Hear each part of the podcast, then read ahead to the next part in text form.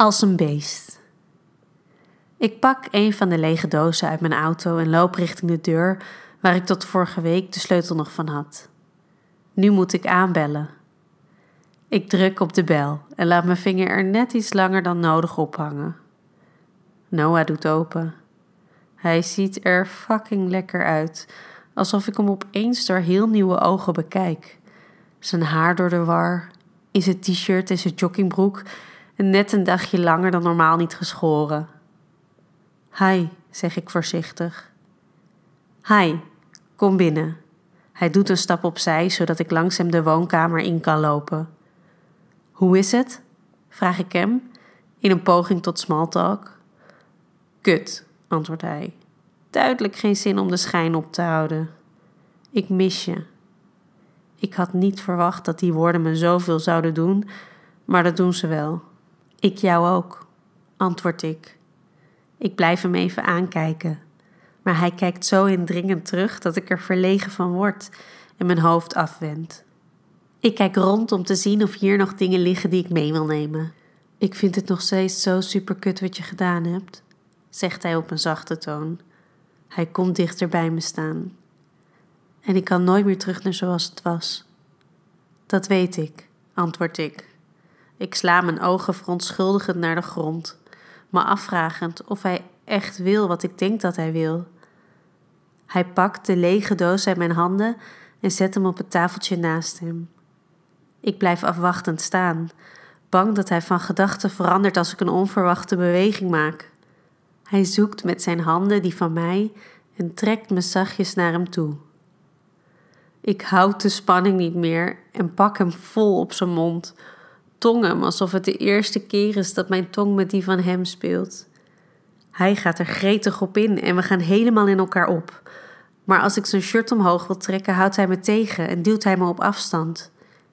Ik bepaal, zegt hij, en hij trekt me mee de trap op naar de slaapkamer. Daar gaat hij voor me staan. Met zijn wijsvinger trekt hij de onderkant van mijn shirt omhoog.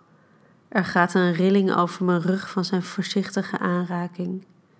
Ik moet heel erg mijn best doen om niet op hem te springen, maar hij was duidelijk. Hij bepaalt. Hij trekt mijn shirt tergend langzaam over mijn hoofd. Met zijn vingers glijdt hij over mijn borsten. Hij trekt de cups van mijn BH hardhandig naar beneden, zodat ze onder mijn stijve tepels blijven haken en trekt er terloops even aan. Met zijn rechterhand glijdt hij over mijn broek tussen mijn benen en duwt zo hard omhoog dat mijn hielen van de grond komen en er een kreun uit mijn mond ontsnapt. Dan duwt hij me op het bed en trekt met een paar snelle bewegingen mijn schoenen, sokken en broek uit. Als hij bovenop me klimt, wil ik hem vastpakken, maar hij duwt mijn armen omhoog en tegen het bed aan. Gedecideerd zegt hij: raak me niet aan. Wat wil hij? De controle terug? Zijn machtsgevoel? Deze kant heb ik nog niet eerder van hem gezien. Veel tijd om erover na te denken heb ik niet, want hij draait me in een snelle beweging om, grijpt me bij mijn keel en trekt mijn hoofd omhoog. Met zijn andere hand steekt hij twee vingers in mijn mond. Ik zuig eraan en neem ze zo diep als ik kan in me. Maak ze helemaal nat. Dan trekt hij ze langzaam uit mijn mond en beweegt ze tussen mijn benen. Eerst over mijn klit, daarna glijdt hij met zijn vinger in me. Eerst één, dan de ander. Met zijn vingers gaat hij van helemaal naar voor naar helemaal achter en hij drukt een natte vinger aan de achterkant naar binnen. Ik krom een rug van genot. Vind je dat lekker? fluistert hij in mijn oor. Ja, alsjeblieft, ga door, kan ik nog net hijgend uitbrengen.